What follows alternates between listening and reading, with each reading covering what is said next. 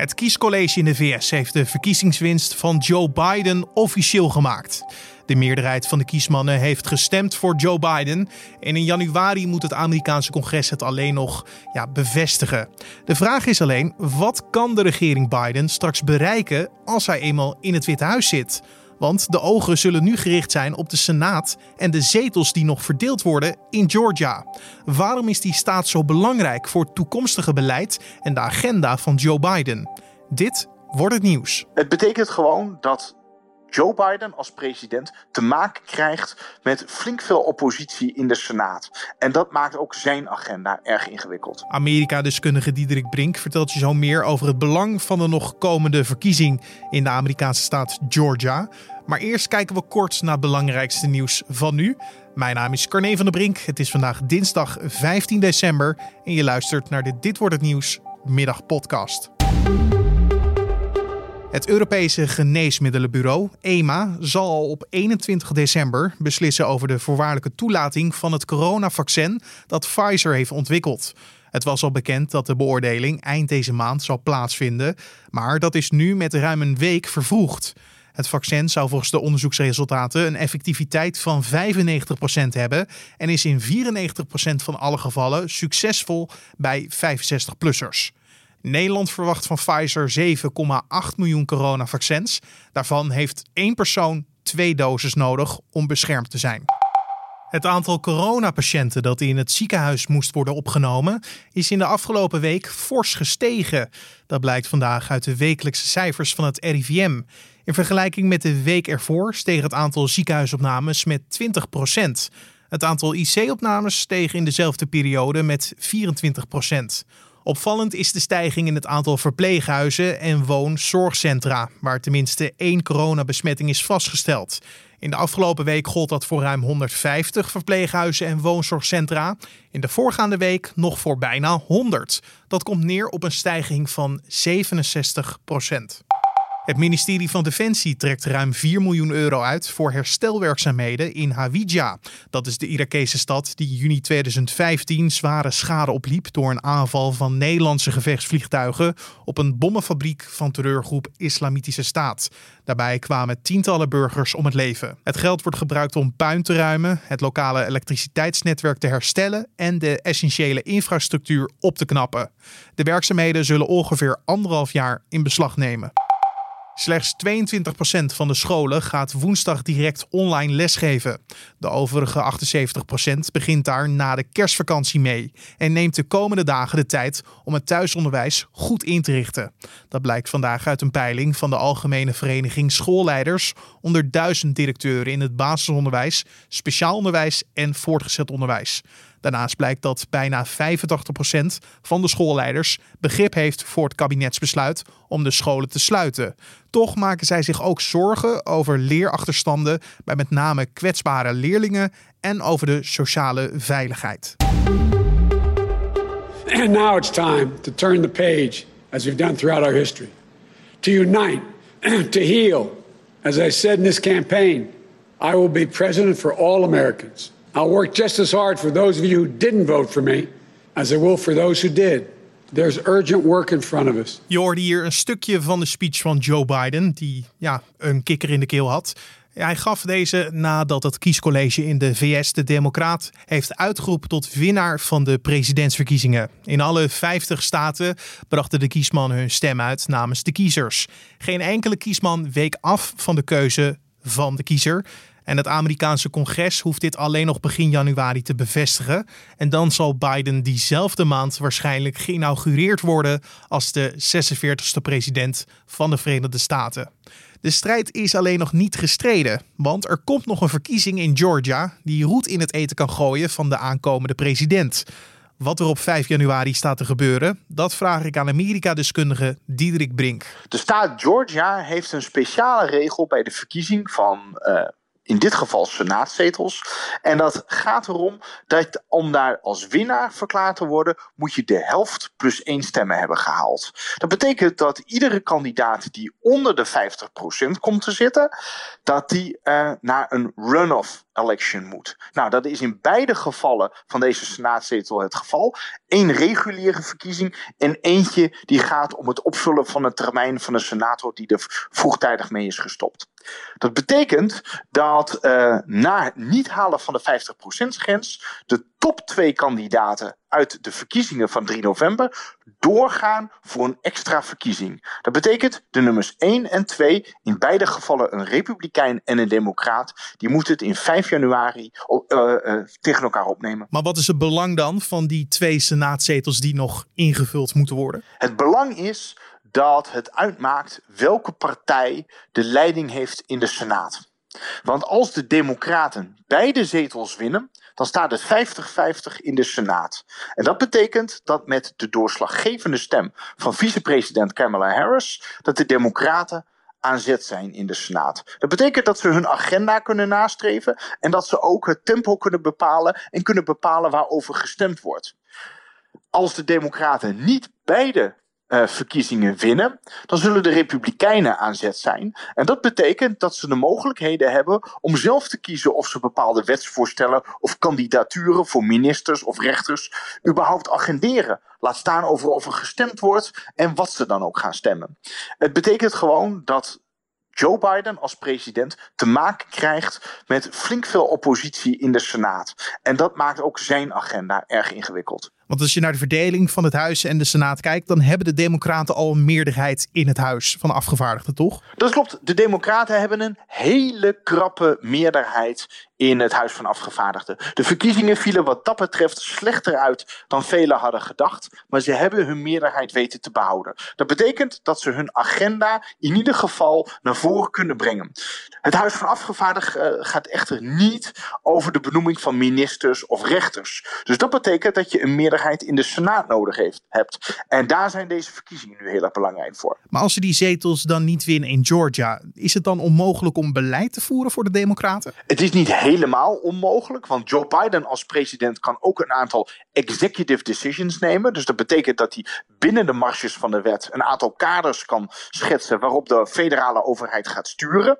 Maar als het gaat om wetten, en bijvoorbeeld ook begrotingen, uh, dan heb je toch echt een meerderheid in het congres nodig. En dan heb je niet voldoende aan een meerderheid van de Democratische Partij, of uh, van, uh, pardon, zeg ik even over, dan heb je niet voldoende aan um, een meerderheid alleen in het Huis van Afgevaardigden. Bovendien heeft Joe Biden te maken met een grote coalitie van democraten. Progressieve, maar ook wat verder gematigden. Democraten die de plattelandsgebieden, die wat conservatiever zijn, vertegenwoordigen. En zij die uit de steden komen. Dat betekent dat die, die diverse coalitie ook heel veel van hem gaat vragen. Tegelijkertijd moet hij bij een meerderheid van de Republikeinen in de Senaat ook met die groep conservatieven gaan onderhandelen. Want iedere vorm van wetgeving of de benoeming van een minister of rechter nog veel gecompliceerder gaat maken. Maar wat zijn dan de zaken, de onderwerpen, de aandachtspunten die gevoelig liggen tussen beide partijen? Als we kijken naar bijvoorbeeld het eerste wat op het bordje van de Senaat gaat komen, dat zijn het benoemen van de ministers. Joe Biden is nu bezig met het uitrollen van zijn kabinet en zijn belangrijkste topambtenaren, zowel in zijn Witte Huisstaf, dat zijn mensen die hij zelf mag benoemen, maar als het gaat om de ministers en de vele onderministers die op de departementen zitten, dan moeten die allemaal langs de Senaat. Als de Republikeinen zeggen we stemmen en masse tegen, of als zij zeggen we gaan deze kandidatuur niet eens behandelen, dan zit hij met zijn handen in het haar. Uh, dat is natuurlijk het eerste wat naar voren komt. Ten tweede kan het gaan over wetgeving. Joe Biden heeft al drie dingen gezegd die heel erg belangrijk zijn. Eén, hij wil Obamacare, de Affordable Care Act, wil die gaan versterken. Die heeft de afgelopen jaren erg onder vuur gelegen. Maar hij zegt, juist in deze tijd van pandemie wil ik de wetgeving van het zorgstelsel in Amerika verstevigen. Hij heeft ook aangekondigd dat op het gebied van klimaatverandering en milieu hij scherpe maatregelen wil nemen. Dus met een pakket aan maatregelen wil komen om de transitie naar een groene economie te maken. Daar zijn doorgaans Republikeinen niet erg enthousiast over. En ten derde heeft hij aangegeven dat hij wil dat Amerika juist nu enorm veel geld gaat uitgeven vanuit de overheid om de economie weer aan te zwengelen. De Amerikaanse werkgelegenheid staat onder druk, de economie staat onder druk vanwege de coronacrisis. Dus hij zegt door de overheidsuitgaven te gaan vergroten, een soort van stimulus te geven, dan uh, net als in 2009, toen hij als vicepresident daarmee bezig was, wil hij gaan zorgen dat de overheid gaat investeren in infrastructuur, nieuwe wegen en bruggen en noem maar op. Dat zijn allemaal plannen die geld kosten. En het kan best zijn dat de Republikeinen zeggen: ho, ho, we hebben best wel wat zorgen over de overheidsuitgaven. En het feit dat de andere partij aan de handrem kan trekken, daar is Biden ook al bekend mee als uh, vicepresident onder Obama. Dat klopt. Toen Barack Obama was gekozen in uh, eh, 2008 en geïnaugureerd werd in begin 2009, hebben de Republikeinen onderling gezegd, we gaan op bijna alles gaan wij gewoon nee zeggen.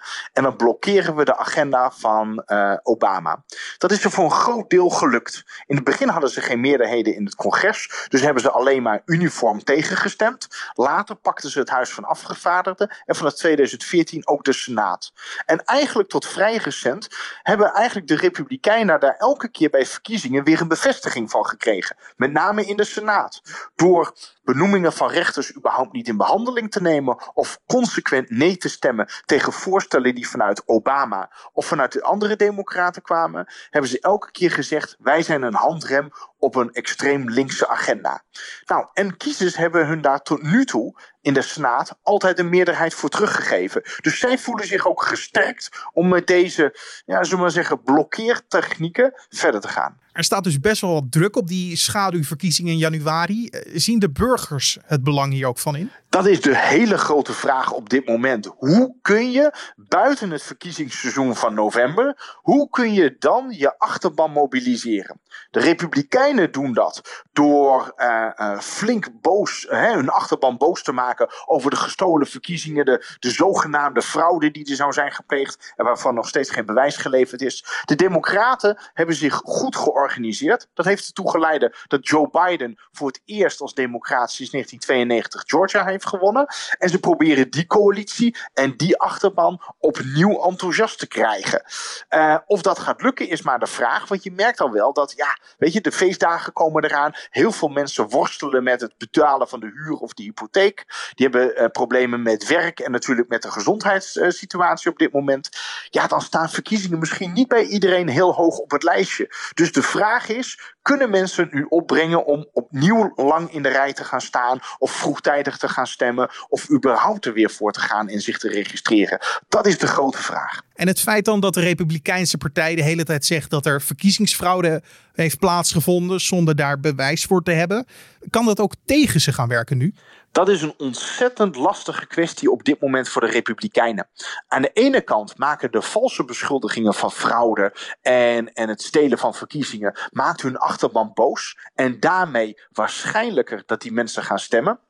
Tegelijkertijd kan het, is het natuurlijk ook een heel lastig verhaal dat je zegt: jullie hebben gestemd op 3 november. Dat was een gestolen verkiezing, fraude. Nu vragen we om precies hetzelfde te doen. Met dezelfde verkiezingsstemmmachines uh, en dezelfde procedures. Maar dit keer moet het echt, want we vragen jullie opnieuw je stem uit te brengen. Dat is natuurlijk wel een paradox toen je het in november deed, was het fraude. Maar nu vraag je weer om het nog een keer te doen. En daardoor zie je dat er best een heleboel republikeinen kunnen zijn. Die zeggen: ja, hou eens even. Als we niet de boel hier radicaal omgooien. dan heb ik geen zin om het nog een keer te proberen. Het was toch fraude de vorige keer. Maar stel de zetels gaan naar republikeinen. en Biden kan hierdoor ja, moeilijk zijn beleid door gaan voeren de komende jaren.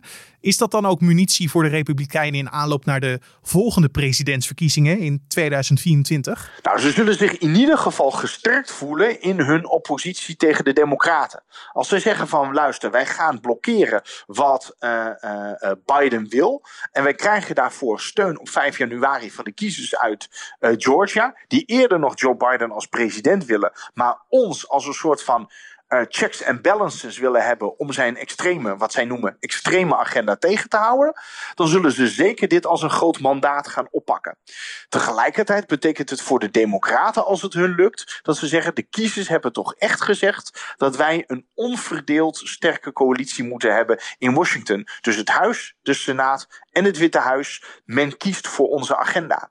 En als dat niet het geval is, ja, dan moet er heel scherp en lang onderhandeld worden over bijna alles. Dankjewel, Amerika-deskundige Diederik Brink. En dan het weer. Vanavond en vannacht komen opklaringen voor, waar het vandaag aan het regenen was.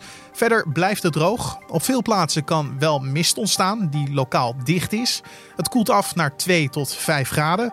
Morgen hangt lokaal hardnekkige mist. Later is er ook ruimte voor wat zon. En het wordt 9 graden. Er staat een matige zuidenwind. En om af te sluiten nog even dit. We hopen allemaal dat 2021 een beter jaar gaat worden dan waar we dit jaar mee te maken hadden. Maar ook sportief zijn er hoge verwachtingen. Helmoet Marco van Red Bull Racing denkt namelijk dat Max Verstappen volgend Formule 1 seizoen mee gaat doen om de wereldtitel. De topadviseur ziet goede ontwikkelingen bij het Oostenrijkse team en bij motorleverancier Honda. De 77-jarige Oostenrijker is onder de indruk van de ontwikkeling van Verstappen, die een nagenoeg foutloos seizoen beleefde. De topadviseur ziet een stijgende lijn bij de Nederlander. Wie weet zullen we dan volgend jaar vaker het Nederlandse volkslied horen na een Grand Prix. En dan zijn we alweer aan het einde gekomen van deze podcast voor de dinsdagmiddag 15 december. Je kan ons heel blij maken met een eh, mailtje met feedback, suggesties of vragen eh, door te sturen naar ons mailadres podcast.nu.nl. Dus podcast.nu.nl. Die inbox checken we elke dag en we kijken altijd kritisch naar elke mail die binnenkomt. Dus dank je wel alvast. Verder kan je je natuurlijk gratis abonneren op deze podcast via Spotify of Apple Podcast. Mijn naam is Carne van der Brink. Ik wens je nog een hele mooie dag en ik hoop dat je de volgende keer ook weer luistert. Tot dan.